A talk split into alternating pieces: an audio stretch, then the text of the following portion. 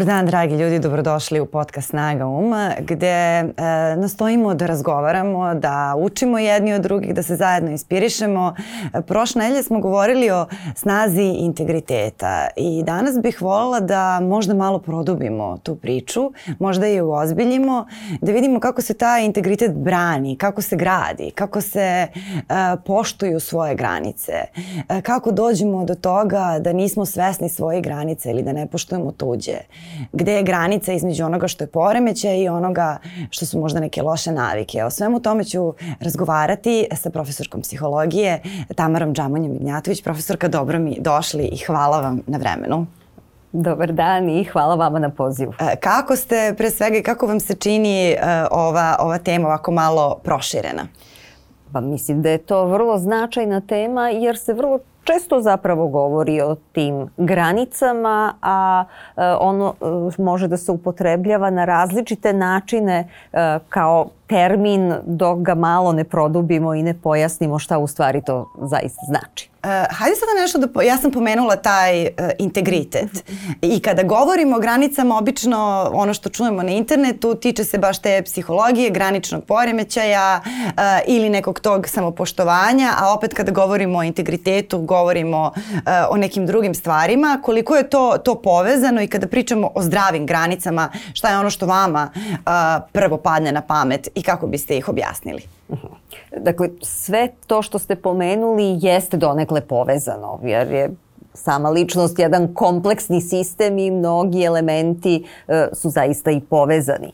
E sad kad pričamo o granicama, zapravo bolje da e, krenemo od toga uopšte šta su to granice da bi onda definisali šta su možda zdrave granice e, i kako, kako mhm. uopšte možemo da ih odredimo. E, Dakle, dobro je napraviti pre svega paralelu sa našim fizičkim granicama, kao što imamo telesne granice, jel? naša koža nas štiti od spoljnih uticaja i predstavlja neku barijeru između našeg telesnog ja i spoljne sredine i zapravo nas e, integriše na neki način. E, tako i granice u psihološkom smislu imaju sličnu funkciju da nas negde e, i zaštite od spoljne okoline i da u stvari nas integrišu na neki način. E sad, e, kada to određujemo šta bi bile onda zdrave granice, pa kao i sama koža, jel? Da. pošto i ona pro, polupropustljiva, e, dakle i u psihološkom smislu nije dobro da imamo te rigidne granice, dakle da one nisu e, takve da zapravo sprečavaju tu interakciju sa sredinom, dakle da nisu previše rigidne, a s druge strane da nisu ni preterano popustljive ili propustljive zato što zapravo onda ne znamo tačno šta smo mi, šta su drugi i mešamo u stvari ono što, što nas okružuje tuđe sadržaje sa sobstvenim sadržajima. E, previše smo pod uticajem toga što je s polja, pa do nekih vrlo patoloških oblika funkcionisanja kao kada u, u psihotičnim stanjima zapravo ni ne razlikujete e, zapravo sobstvene sadržaje od sadržaja tuđeg uma. Pa imate da. doživljaj recimo u nekim simptomima psiho, psihotičnim da vam drugi kradu misli ili da vam ubacuju tuđe misli ili da vam čitaju misli. Dakle, to su oni ekstremni patološki slučajevi. Da, uh, i sad uh, kada govorimo, uh, zadržala bih se još malo na ovim, na ovim zdravim, zdravim granicama.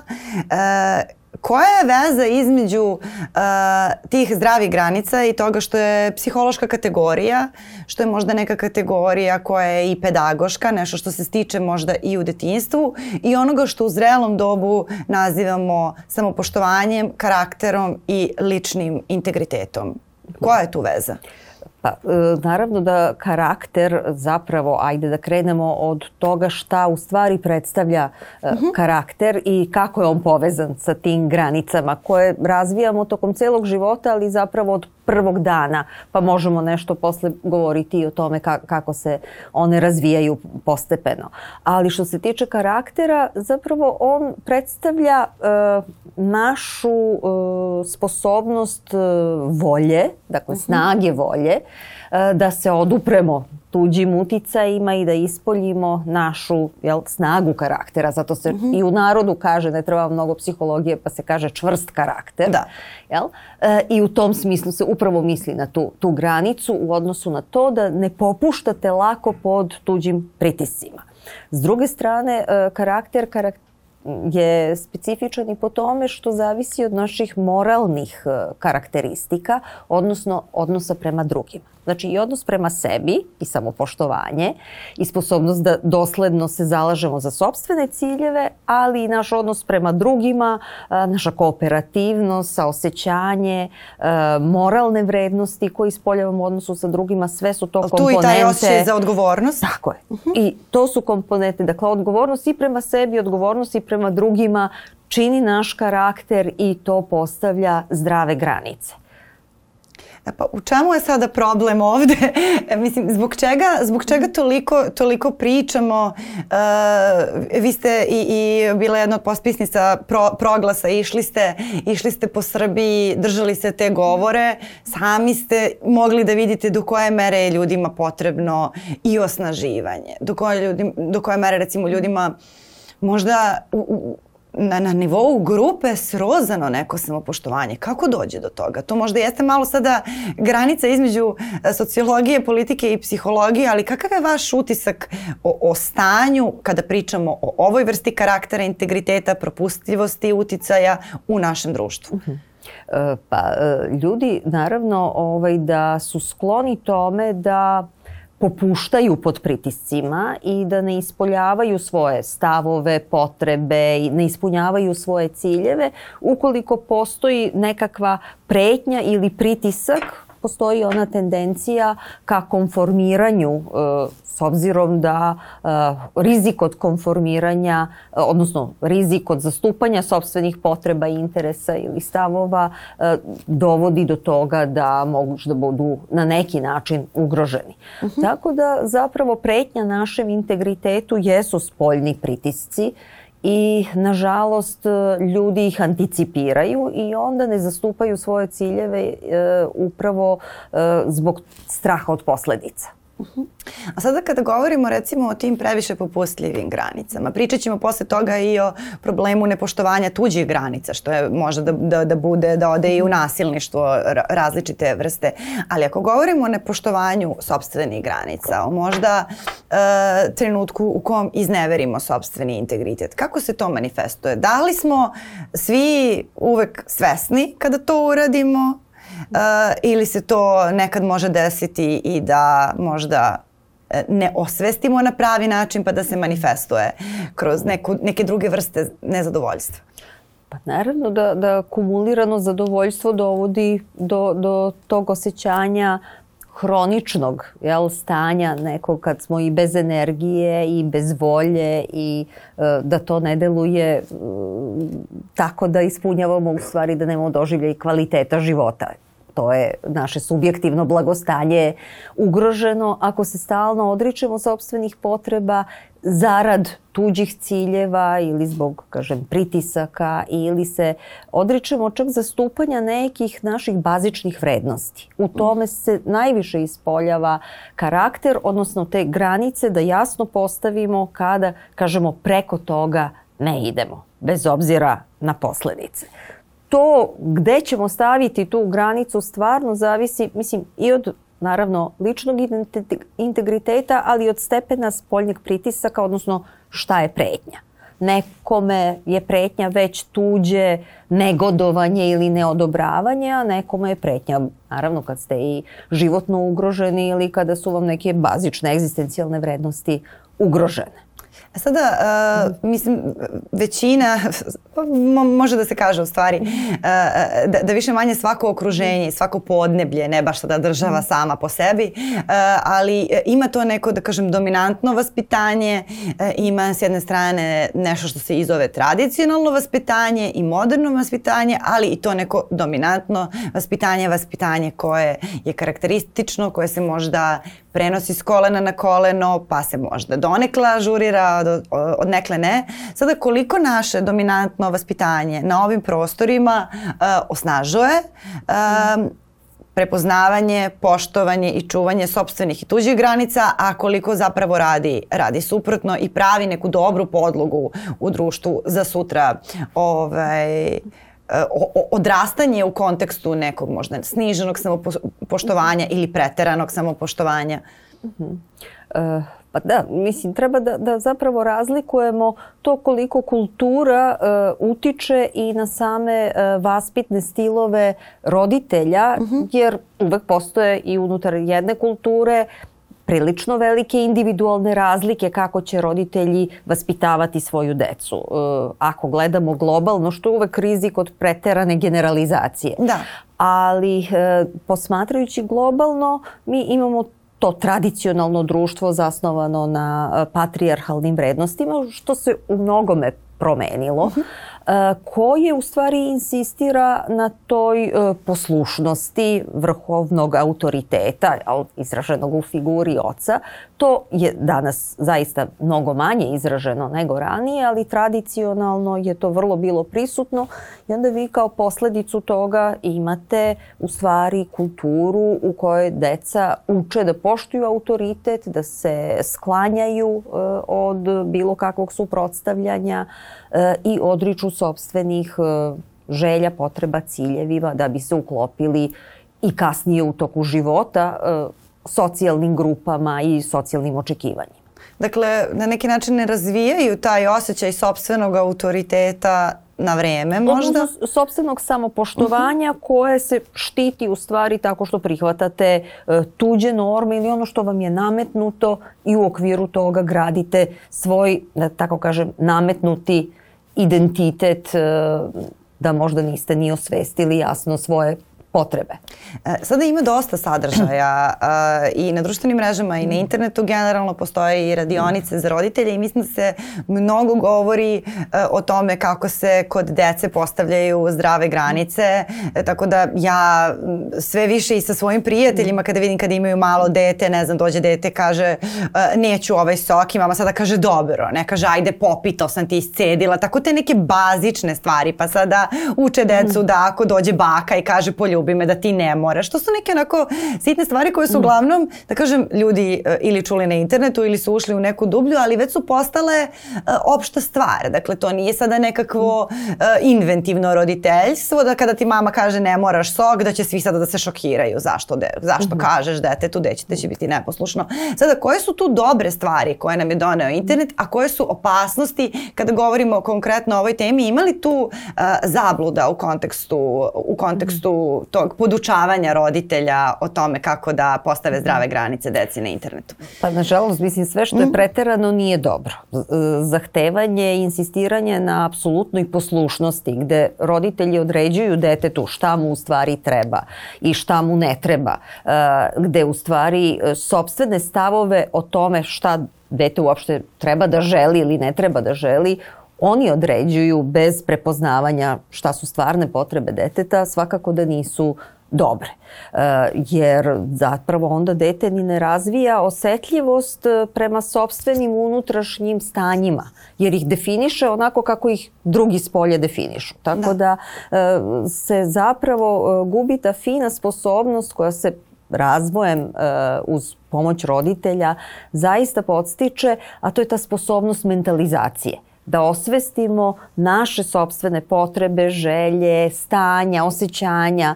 Dakle, roditelji ih za nas definišu tako što ih fino prepoznaju u detetu. I to je jako važna funkcija. Mm -hmm. Ako vi definišete detetu e, njegova unutrašnja stanja prema onome šta vi mislite da je to, bez osetljivosti, da stvarno to prepoznate, to e, svakako nije dobro jer onda dete ne uči da prepoznaje ni sobstvena stanja, samim tim mu je teško da pretpostavi i šta se događa u tuđem umu.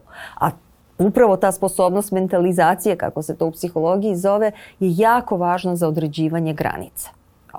E sad, ako s druge strane ovaj, ne postavljamo one druge granice, a to je vođenje računa o drugima. Dakle, ovo je jedno je važno voditi računa o sebi, prepoznavati šta nam je stvarno važno, potrebno i tako dalje, ali isto tako važno i baš zbog toga što dobro prepoznajemo sebe, e, moći ćemo mnogo bolje da prepoznamo druge. Što znači da možemo jako lepo da balansiramo između sobstvenih potreba i tuđih potreba, jer smo svesni da se u tuđem umu nešto drugo odvija, da drugi ne moraju imati iste potrebe, želje, stavove i tako dalje. I tu se fino balansira taj odnos. Međutim, ono što je sad suprotnost i, i negativno je da se samo roditelji su, e, fokusiraju na to prepoznavanje dečijih potreba, a ne i na razumevanje stanja i potreba drugog. Drugim rečima, evo kroz taj primer što ste rekli, jedno je ovaj e, reći, ne znam, detetu e, da ne mora da popije sada ili da pojede nešto što ovaj u tom trenutku dete ne želi, ali to ne znači da dete ne može da uči da neko drugi u tom trenutku ovaj, nešto drugo želi, ima potrebu i tako dalje. Dakle, uvek je mhm. jako važno imati uh, na umu i sobstveno i tuđe stanje uma. E, da, i to je ona razlika da li ćeš da kažeš neću sok ili ćeš da uzmeš i da prospeš sok e, ovaj, e, u tuđoj kući, na primjer, i da na taj način nemaš svest o tuđim granicama, da. jer je to taj moment. Tako je, jer mm -hmm. možete da kažete hvala da. i da recimo cenite napor nečiji mm -hmm. što se potrudio da spremi ne znam, sok ili šta, šta god, god već. Da a da ovaj istovremeno znači uvažite i tuđu potrebu, a da istovremeno ne može ne morate sebe da silite da pošto poto E to sad uradi. kad smo kod poštovanja granica, mm. pitanje za 30 a ne za 10, mislim većine većine roditelja mm. jeste kako uh, kako to uh, izvesti u praksi sa decom koja su u mhm. pubertetu. Jer je pubertet sam po sebi već onako jedna, jedan univerzum uh, koji podrazumava ispitivanje i rušenje svih mogućih granica, pa povlačenje uh, i, i vrlo je turbulentan za dete s jedne strane, s druge strane i to je jedan period kad su roditelji jako aktivni, oni koji, koji žele da budu i to ume da bude jako i bolan period za roditelje, uh, jer sad zavisi od toga kakvo je dete, ali to stvarno ume da bude bolan period za roditelje. Pa sada kako nekome ko prolazi kroz tu fazu probijanja tuđih granica ipak predočiti e, granice i poštovanje tuđih granica, poštovanje sobstvenih granica, a ne ugroziti uh, i ne gurati dete u poslušnost opet u tom periodu kada bi trebalo da ume da kaže i neću i ovo mi ne prija iz gomila nekih drugih hororičnih scenarija koji bi mogli da se desi. Pa, sama adolescencija se nadovezuje na prethodne da. faze razvoja. Mhm. Dakle, ako su roditelji ovako, kao što sam malo preopisala, bili e, dosledni u tom prepoznavanju s jedne strane dečjih potreba i poštovanja detetove volje, ali i postavljanja granica u odnosu na ugrožavanje tuđih potreba, e, dete već ulazi u pubertet sa dobrim osjećanjem samopoštovanja i, i nekih usvojenih vrednosti. Mm -hmm. I naravno da je sama adolescencija jedan izazov da probijamo neke granice, ali u smislu onih uh, socijalnih granica, socijalnih normi. Da, da tu isprobavamo različite m, ma, mala odstupanja, što čak i nije tako e, loše ako dete ima čvrste ove unutrašnje granice, odnosno ume da čuva sebe i svoje samopoštovanje. Onda i ta eksperimentisanja sa probijanjem socijalnih normi, kad se adolescent napije, mislim, ili kad uh, proba da puši, pa zaključi da mu to ne prija. E, onda on uspeva da probija granicu i da se vraća na one samozaštitne mehanizme koji čuvaju autentično potrebe deteta da ne ugrozi sebe. Jer nadzor i kontrola roditelja u tom periodu nisu mnogo efikasni ako dete nije naučilo da samo sebi u stvari postavite unutrašnje granice e, bazirane i na samopoštovanju, onda neće biti toliko podložno uticaju vršnjaka, jel? nego će umeti da kaže ne za nešto što je previše rizično ili previše ugrožava druge, a opet će imati tu jednu slobodnu zonu za isprobavanje nekih, e, da kažem, uobičajenih adolescenskih e, odstupanja od normi.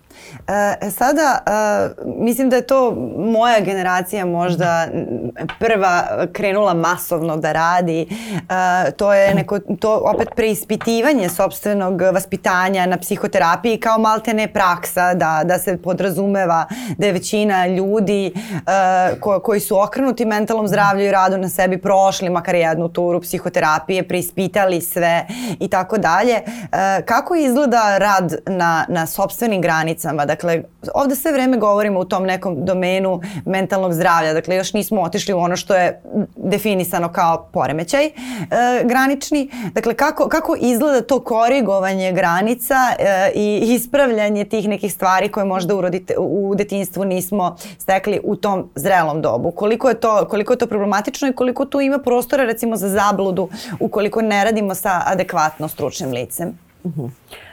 Pa, znači, ljudi se obraćaju za pomoć e, stručnjacima, mhm. psihoterapeutima, onda kada osjećaju potrebu za tim, kada imaju neki problem koji ne mogu sami da reše i neki put je to i želja da bolje upoznaju sebe ili da se suočavaju sa nekim teškoćama recimo u interpersonalnim odnosima. To je čest razlog zbog čega neko uh, se obraća za neku vrstu pomoći i potrebe da analizira sebe, gde možda greši, šta bi mogao da promeni, kako da bolje dostigne svoje ciljeve i to je zdravo kao što idemo mm -hmm. kod drugih lekara i neki put i preventivno. E, I vrlo često se dotakne tema naravno i vaspitanja i roditeljstva i da sagledamo naš odnos prema roditeljima, kako su nas vaspitavali, gde su grešili ili kako mi ne bi to nikad više ponovili svojoj deci. Da. E sad, e, koliko god je to roditeljstvo zaista važno jer nas oblikuje upravo e, kada je dete zapravo najplastičnije za oblikovanje, ali još nije formirano. Kasnije utice su manji, ali čovjek se zaista može menjati ce, ceo život, što je dobra vest. E, međutim, e, ne treba apsolutnu odgovornost stalno pripisivati roditeljima. Eto, Ni da. za uh, sve neuspehe ne, nečije, a niti za sve uspehe ovaj, deteta. Roditelji obično imaju tu potrebu da se ponose svojim detetom kao sobstvenim uspehom. Nešto su ta deca i sama odlučila da postignu, ali kažem ne treba toliko breme krivice, velika je odgovornost roditelja, ali nije sva krivica na njima no, za vaspitanje. I Tako kako, da se tu pronalazi, kako se tu mhm. pronalazi mera? e, od strane roditelja ili onoga pa, ko pokušava da... Pa od strane onoga ko, ko, ko da- tereti. Da, E pa tu vam u stvari e, zapravo mm. e, profesionalac koji dobro i ozbiljno poznaje e, i psihologiju, zbog čega je važno da se time stvarno bave ozbiljno edukovani ljudi, ne, ne preko različitih kratkotrajnih kurseva i bez ozbiljnog predznanja iz psihologije, oni onda zapravo mnogo kritičnije prihvataju neke stereotipe, pa vi ste pomenuli internet, dakle tu se svašta od sadržaja može nuditi i onda vi ako jednu informaciju e, primenjujete kao da je, kako da kažem, u, u kamenu zakucana, onda vi u stvari ne prilagođavate to individualnim specifičnostima vaše klijenta. I negde će jedna hipoteza ili jedna pretpostavka uticuju roditelja raditi, a negde će to biti promašeno ako vi to ne prilagođavate zaista jednoj finoj e, proceni individualnosti vašeg klijenta. Da, i tu na internetu ima recimo dosta ukoli tih uh, i uh, objava i brzih videa koje čak objavljaju neke vaše kolege tipa pet simptoma da ste imali zlostavljača roj. Pa tipa ako se stalno izvinjavate, mislim tu, tu može da se ljudi mogu da se izvinjavaju u smislu ono za svaku, za svaku sitnicu kad uđemo u prostoriju izvini. Znači to može stvarno da se dešava iz milion jednog razloga, to ne znači da, da je sada Upravo to. E, kao, a baš ima tako, to su neke vrlo banalne, vrlo banalne stvari koje da mogu da budu simptom, ali je to da, da. toliko, baš je jako opasno. Ono što se kaže, meni je može to da upalo, da bude, ne mora da znači. Ne, meni je to baš, meni je to kao ako se stalno izvinjavate zato što je to toliko, mislim, to je i društveno diktirano i ono sad kod žena, ne znam, procene, neka istraživanje bilo da se žene mnogo više iznivlja, iz, iz, izvinjavaju u poslu nego, mislim, to, toliko ima tih ono faktora koji na to utiču. E, Sigurno, i jedan od njih je svakako i jedno ovaj, uvažavanje tuđih potreba ako primećujete da, da ste nešto nešto pogrešili ili uh, niste uradili nešto kako treba. Tačno je da opet neko može i, i da preteruje da se izvinjava i za ono što treba i za ono što ne treba, ali su uh, ono što je važno da razumemo mm. stvarno u mhm. psihologiji, da iza jednog ponašanja istog mogu da budu različiti uzroci. Da. Kao što i jedan uzrok može da ima potpuno različite manifestacije Dakle, isti ti recimo da je čak i u pitanju zlostavljanje, ono se može kod deteta i kasnije u odraslom dobu na potpuno različite načine ispoljiti kao različite ovaj, posledice. Tačno, da, i to je, mislim... Tako da, da je zato ta... Da ćete reći ono što je jako važno da, da znate za psihologiju, da niste psiholozi za početak. Ali to se zaista, jer m, ja se nekad iskreno zabrinem e, kada vidim te neke čak i vrlo elokventno sastavljene objave od nekih psihologa za koje znam da nemaju, mm. e, da nemaju pogrešnu nameru, koji su, ne znam, možda imali neku terapiju ili rade neki rad, pripremaju neko mm. predavanje i sada, da, apsolutno je jasno da se oni obraćaju ili toj ne, nekoj javnosti i svojih e, kolega koji su već u praksi ili eventualno studentima psihologije, ali zaista tu to može da se protumači na, na različite načine i da deluje vrlo problematično. Naravno i, i zbog toga je, kažem, važna ta i stručna i individualno specifična procena. Ajde, ako ste već krenuli uh -huh. od tog uh, eto, banalnog problema, preteranog izvinjavanja. A to mi je prvo palo na pamet, to ima na stotine tih. pitate prosto osobu ovaj, koliko joj to smeta, kako drugi ljudi reaguju na to, da li je to uopšte problem ili nije problem. Pa da. Ako je drugi opominju, zbog toga ne treba da se izvinjavaš, pa nemoj da si naporna što se toliko izvinjavaš ili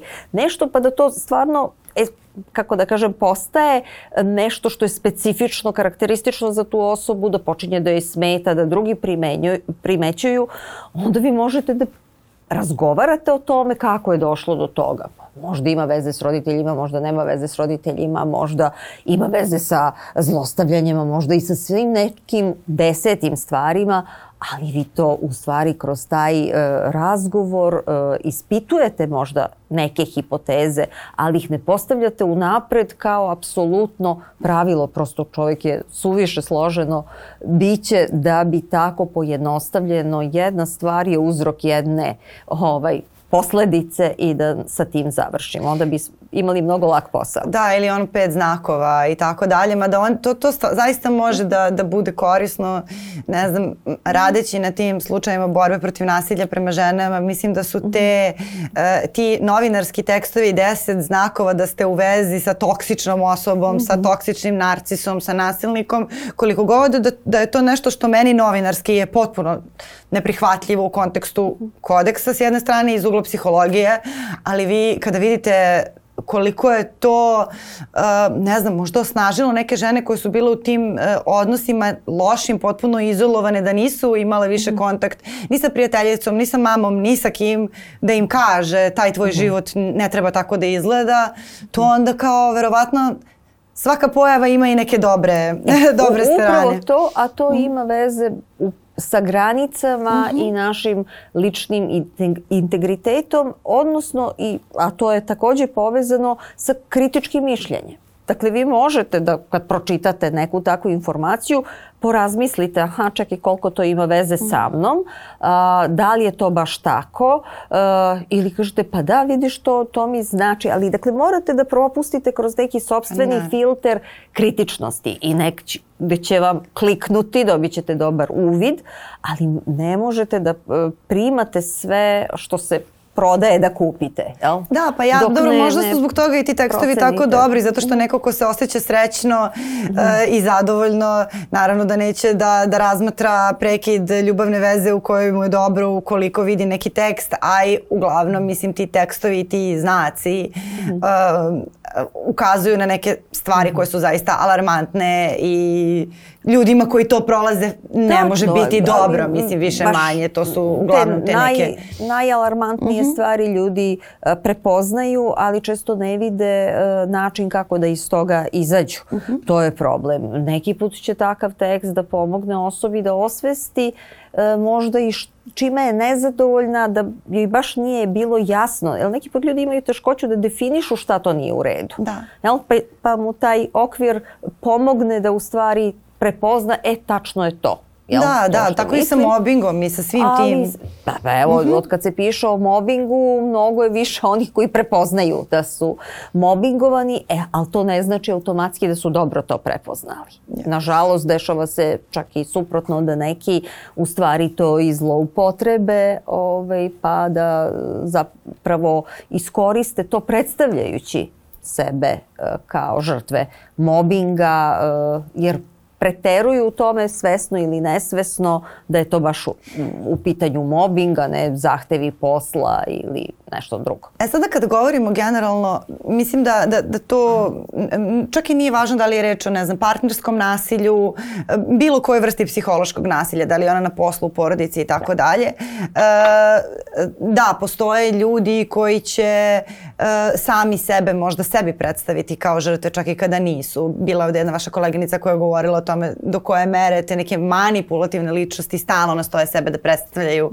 kao žrtve i da to nije, da to nije redak slučaj, ali s druge strane, iz ugla psihološke prakse, iz ugla veštačenja, e, koliko je to vama problematično da, da vidite i kada vam dođe neko ko je da duboko preživeo traumu zlostavljanja na poslu ili u partnerskom odnosu, dakle psihološku, ne govorimo mm -hmm. o fizičkim, to je ovaj, za, za drugu oblast, ali dakle koliko je to zaista za jednog stručnjaka za mentalno zdravlje problematično, a, a koliko je neka osnovna mhm. stvar? Pa, mislim, kompletna psihološka procena uh, se nikada ne bazira samo na verbalnim izjavama da. nekoga. Mhm. -huh. Dakle, priče su različite i one mogu da zaista budu posledica različitih i motiva. Vi procenjujete pored verbalnih sadržaja i sve ono što neverbalno prati te sadržaje. Tako da imate doživljaj e, autentičnosti toga, da li prateća gestikulacija, facijalna ekspresija, e, intonacija i svi oni neverbalni znakovi potvrđuju, kad vidite žrtvu koja autentično e, pati, trpi, vi e, automatski nekako osjećate i empatiju za nju. Mm. Čim imate problem da doživite to što vam neko govori e, na empatičan način, to vam je takođe može potencijalno da bude znak, uh, s jedne strane da ste neosetljivi naravno, mm -hmm. ali ovaj pre bude znak da, da osoba ne govori nešto što je autentično doživljavala, već ima neke druge skrivene agende. I naravno tu ali su i to opet za, sad opet da se ogradim, to mm -hmm. opet za ljude koji su stručnici za mentalno zdravlje, koji imaju iskustva, Tako jer mi, vr, mi kao da kažem mm -hmm. civili e, možemo da imamo animozitet ili da ne osjećamo što neko govori iz gomilanih svojih kažem, predrasuda. Da, zato da, i kažem, se... ne treba mm. ovaj, e, to uvek poistovetiti ako mi nemamo ovaj, osjećaj da je to nešto autentično, možda je problem i u da. nama da. što nemamo dovoljno empatije ali e, s druge strane ono što je važno za psihološku procenu što se ne bazira samo na tim verbalnim i neverbalnim signalima nego ima i psihološke instrumente procene. Da. Dakle mi imamo i testove i upitnike i projektivne testove i neke specifične liste, check liste znakova ili indikatora za zlostavljanje, za neke druge vrste problema, specifične upitnike za specifične probleme kao i za procenu karakteristika ličnosti, tako da onda stvarno jedna procena bude obuhvatna i vrlo kompleksna da bi mogli da sagledate iza e, e, fenomenologije, dakle iza onog manifestnog, e, da. e, kakva je dinamika, motivacija, neke latentne dispozicije, tako da je to stvarno složena stvar složena stvar, ali vam je jasno. Ali vam na kraju bude vrlo jasno koliko sam shvatila. Uh, na vrlo ste, e, e, da kažem, nenametljiv način rekli naravno da, da znamo. Da, mislim da znate kad je Uglavnom. da, dijagnoza je dijagnoza, da. Mislim, ja, ja volim jako da se čuvam te apsolutne sigurnosti ekspertske. Uh mhm. -huh. ovaj, tako da kada mislite da vam je nešto jasno, nije loše da to ipak i proverite. Dakle, sve vaše hipoteze treba negde da proverite ovaj, i sa samim klijentom. Najčešće su klijenti uh, dobri poznavaoci sebe. Ovaj, manji deo njih je manipulativan na taj način. E, sada, uh, pošto je bilo bi vrlo čudno da, da, da ceo dan razgovor posvetimo mm. granicama mm. uh, u okviru nekog našeg svakodnevnog života, da ne pomenemo i granični poremećaj mm. uh, ličnosti, ako sam dobro rekla. To isto ima, to sam naišla da, da, da sad u zavisnosti od godine kada se neko školovao ili čak podnevlja, da klasifikacije za razne stvari mogu da budu drugačije, pa da dođe Tako. i do, ovaj, da li sam, znači to je u suštini granični poremećaj ličnosti ili ono što se zove borderline, isto, mm -hmm. dakle to je ista stvar mm -hmm. i to je onako jedan spektar poremećaja koji može da bude, da se ra manifestuje različito, mm -hmm. ako sam to dobro shvatila. E, jeste zapravo i vrlo je intrigantna kategorija ako pričamo uopšte o kategoriji, a ne o, o dimenziji graničnosti. Uh -huh. Dakle, to, to, to samo uh, po imenu podsjeća na ovu priču o granicama o kojima smo pričali u odnosu na integritet, u odnosu da. na poštovanje drugih, zaštitu od tuđih uticaja i tako dalje. Uh, granični poremećaj ličnosti, zapravo o tome se uh, pričalo uh, više u odnosu na tu dimenziju psihopatologije gde je granica između onoga što smo nekada zvali e, neurotskim poremećajima, pa zovemo i sada, mada taj to, opet to nema u klasifikacijama, da, da. Ovaj, u odnosu na psihoze. Znači, uh -huh. jako se davno uočilo da postoji nešto između neurotskih i psihotičnih poremećaja, dakle teže u odnosu na neuroze, a lakše opet u odnosu na psihoze, dakle nemamo ono poremeća i testa realnosti i sve druge psihotične simptome. Međutim, e, dalja istraživanja tog fenomena su zapravo otkrila da se radi e, o, o jednom defektu u strukturi ličnosti uh -huh. i da zapravo ta graničnost i ono što po tim podrazumevamo, dakle za razliku od ovih fenomena granica o kojima smo do sada pričali, se odnosi na jedan suštinski mehanizam odbrane koji je tipičan za ovu vrstu da kažem, pravih poremećaja ličnosti, jer mi imamo i različite karakterne poremećaje, mislim, dakle, neke crte koje ometaju ljude u svom svakodnevnom funkcionisanju, ali ne, ne predstavljaju taj granični poremećaj ličnosti.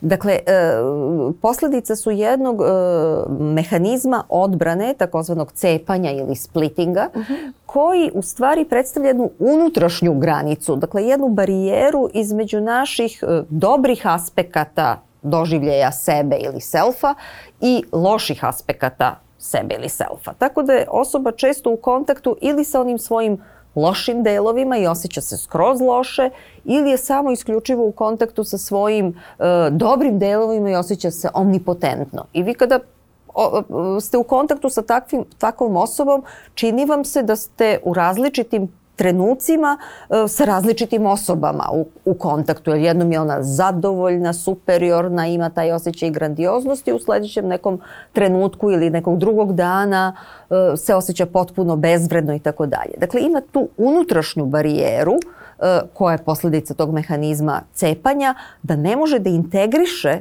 zbog te barijere jel, koji je mehanizam odbrane, e, sebe kao integri, integrisanu osobu. Svi mi imamo i dobre i loše strane i da. sebe doživljavamo nekako u celini.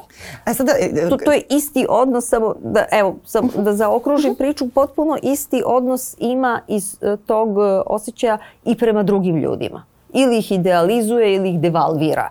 Dakle, i druge doživljava tako pocepano i ne može da u stvari uspostavi odnos sa celovitom osobom, pa danas vas mrzi, sutra vas voli, obožava ili idealizuje, ali nema taj stabilan odnos ni prema sebi, ni prema drugima. A, sad, koja je veza onda između tog termina granični poremećaj i bipolarni poremećaj?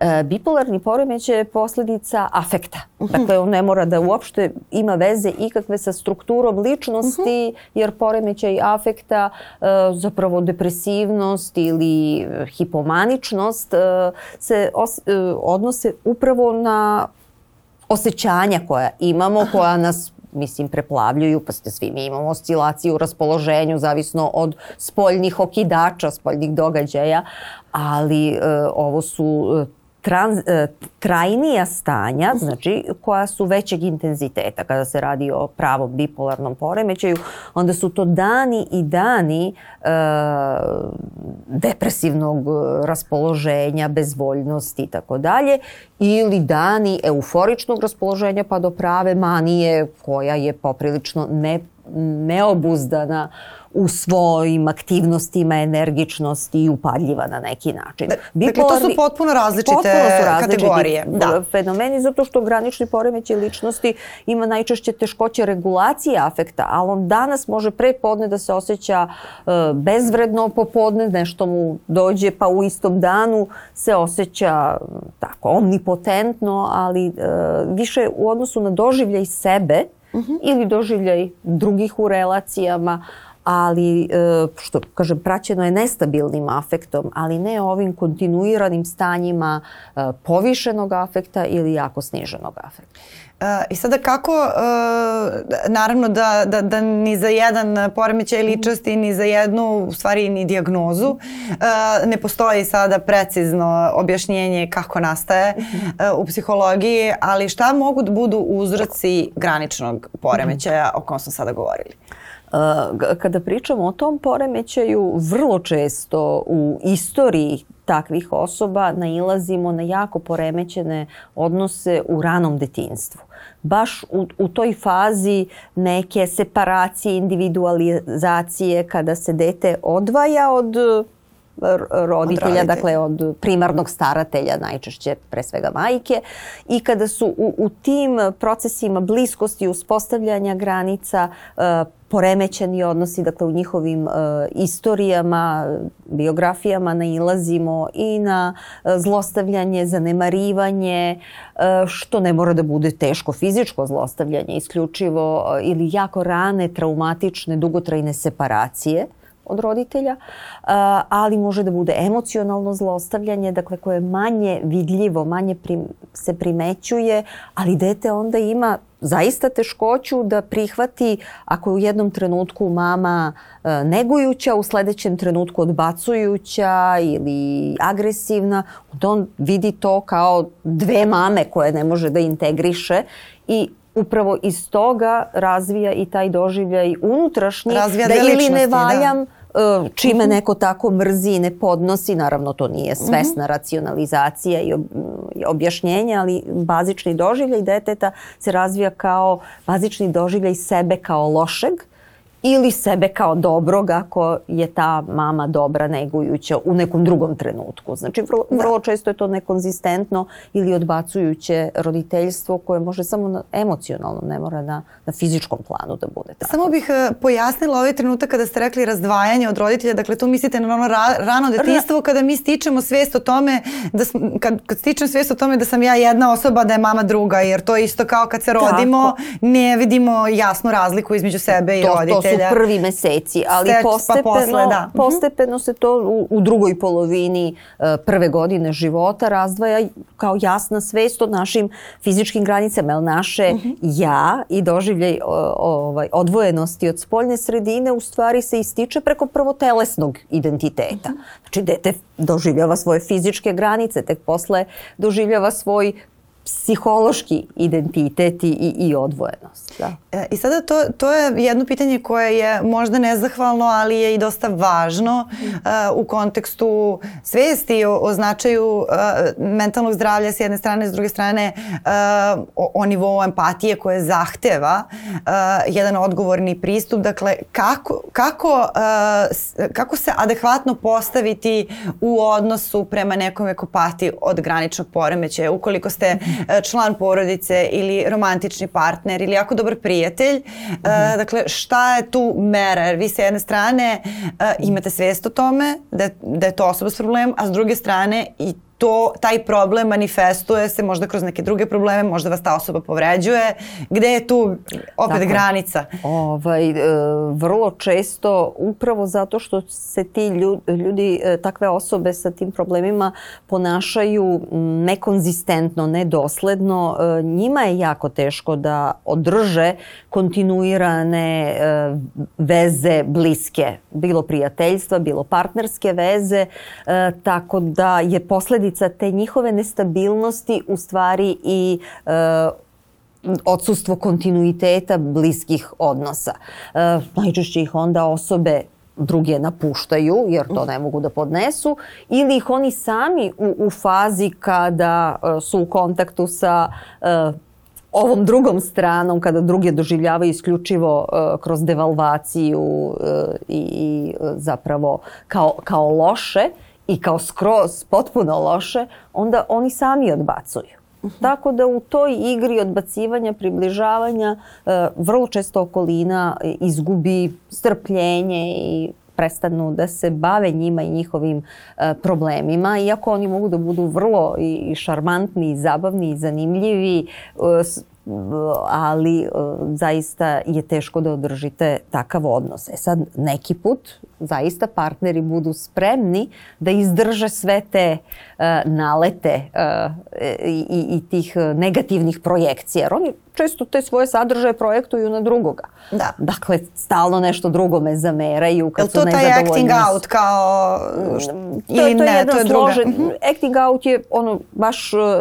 pražnjenje mhm. -huh. unutrašnjeg naboja bez ikakve kontrole, inhibicije. Dakle, ako ste besni, vi morate da se izbesnite mesto da zadržite da. u sebi. Jel?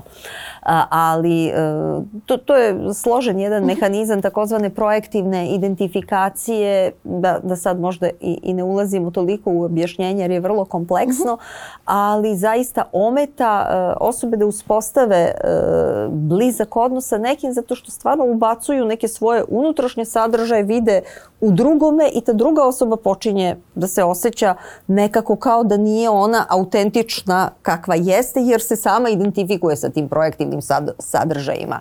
Uh, naj kraće rečeno. Da, da. Tako da, da su vr, osobe se vrlo nelagodno osjećaju sa tim uh, ljudima u kontaktu. E, sad to ako ćemo, mm. pošto se mm. mnogo puta sam uh, ovaj, se osvrtala na stvari koje, koje mm. se motaju po društvenim mrežama, pa jedna od tih velikih istina je da oštećeni ljudi oštećuju druge ljude, s jedne strane, s druge strane da mnogi ljudi idu na terapiju zbog onih koji odbijaju da idu na terapiju. Mm. I sada, dakle, da li tu postoji neki savet koji bi bio kao poput biljnog čaja, dakle neka, ne, neko dobro koje ne može da, da, da škodi e, za ljude koji u, u svojim porodicama ili u tom nekom bliskom okruženju imaju i žele da zadrže nekoga e, ko pati zaista od graničnog e, poremećaja s jedne strane i onda ih samim tim i njihove granice s vremena na vreme e, ove, urušava. Kako tu s jedne strane čuvati te svoje granice i svoje samopoštovanje, a s druge strane biti dobar čovek, dobar brat, dobra sestra, dobar roditelj, mm -hmm. uh, ovaj, do, dobar partner ili partnerka. Uh, da li tu postoji neki, ne, neki recept? Pa pre svega uh -huh. to zaista nije, nije lak zadatak uh -huh. i vrlo je veliki izazov za te partnere, dakle one koji žele nekome da pomognu i za to vam zaista trebaju vaše čvrste granice, da kažete ne, to nije ono što ti ubacuješ u mene, to nisam ja, ja sam to što jesam, a to je ono što je tvoj problem i ajde da probamo zajedno da ga rešimo. E, partneri tu mogu da budu jako velika podrška, ali e, ono što jeste važno je zaista e, duga rekonstruktivna psihoterapija. Njima je potrebna baš stručna pomoć i oni su izazovi za terapeute. Mislim, i oni sami napuštaju terapiju i terapeutima je dosta teško da rade sa tim osobama, ali kada su i, i terapeuti u stanju da izdrže takav jedan, da kažem, provokativan odnos, onda otvaraju mogućnost zaista za promenu, za integraciju jednu, jer da, to, to može da se promeni. Nije nešto što, što smo doživeli u detinstvu, danas je oblikovalo za uvek. Uh -huh. Ono čime se to održava su najčešće ti repetitivni obrasci, jer mi ono što smo naučili u detinstvu ponavljamo. Jel? Ako smo naučili da se e, neke izbegavajuće obrazce, time smo se štitili od opasnosti, neprijatnosti i tako dalje, mi ćemo izbegavajući obrazac da se ne vezujemo ni za koga, da smo uvek, e, kako da kažem, na nekoj e, bezbednoj distanci zadržati, jer je funkcionalno. Time ćemo naravno sebe lišiti nekih bliskih odnosa, ali ćemo ga ponavljati i time održavati. Isto tako i ovi drugi obrazci iz detinstva. Međutim, ako imate s druge strane osobu koja je dovoljno jakog integriteta, da to izdrži i da zaista pokaže svoju naklonost i spremnost da pomogne toj osobi, onda je dajete šansu da zaista se i, i promeni kroz dobar odnos i uz pomoć psihoterapije. Oba elementa su nam jako važni. Mnogo vam hvala na ovom razgovoru. I sada kako privodimo razgovor kraju, možda bih voljela da se ponovo osvrnemo na to kakvi smo kao zajednica ili kao društvo ili kao komšiluk, koliko, koliko prepoznajemo svoje granice i kakav je vaš utisak. Vi ste s jedne strane profesorka, predajete na fakultetu, što je jedna, jedna vrsta zajednice, ali opet visoko obrazovana, visoko senzibilisana i visoko informisana o svim ovim temama koje su, koje su vam važne. S druge strane radite e, i imate i e, taj terapis, to terapijsko iskustvo da radite sa pojedincima, ali sada ste nekako, čini mi se, e, imali priliku tu da razgovarate sa narodom, da, da osetite kako to, kako to izgleda i kako mi kao, kao jedno društvo dišemo i gde smo po pitanju te neke i svesti i samopoštovanja i svih tih nekih stvari koje čas zaboravimo, čas se podsjetimo pa možda se precenimo. Gde smo? Pa naravno da mi razgovaramo sa ljudima u našem okruženju, dakle nismo isključivo mm -hmm. fokusirani na naše profesionalno to, okruženje. E, niti isključivo ovaj, razgovaramo jel, sa klijentima, nego imamo kontakte od prodavnice, banke, komšiluka, dakle gde god srećemo ljude i sa kojima se zadržavamo u nekom e, kraćem ili dužem razgovoru na nekim skupovima, druge prirode, dakle ne mislim samo na uh, ove političke skupove, da. ali i na njima, dakle stalno se srećemo sa ljudima u, sa kojima smo, ajde da kažem, u površnijem kontaktu i ono što zaista se uh, uočava jedno uh, duboko uh, nezadovoljstvo ljudi načinom života i s druge strane pesimizam da se to može promeniti, dakle jedan, jedna strepnja, da li ćemo imati snage, zrelosti da se izborimo sa nečim što nam zaista ne odgovara e, i svi primećujemo da je to loše, ali nam je teško da nađemo načine kako da se to e, tome suprotstavimo. I to ima veze sa onim od čega smo počeli onim zdravim priču, granicama da. e, sa granicama zato što kada je spoljna pretnja suviše zna, važna i snažna i kada vi anticipirate posledice suprotstavljanja tome, onda ćete zaštitno u stvari da se sklanjate, trpite, ćutite, a to svakako neće dovesti do promene.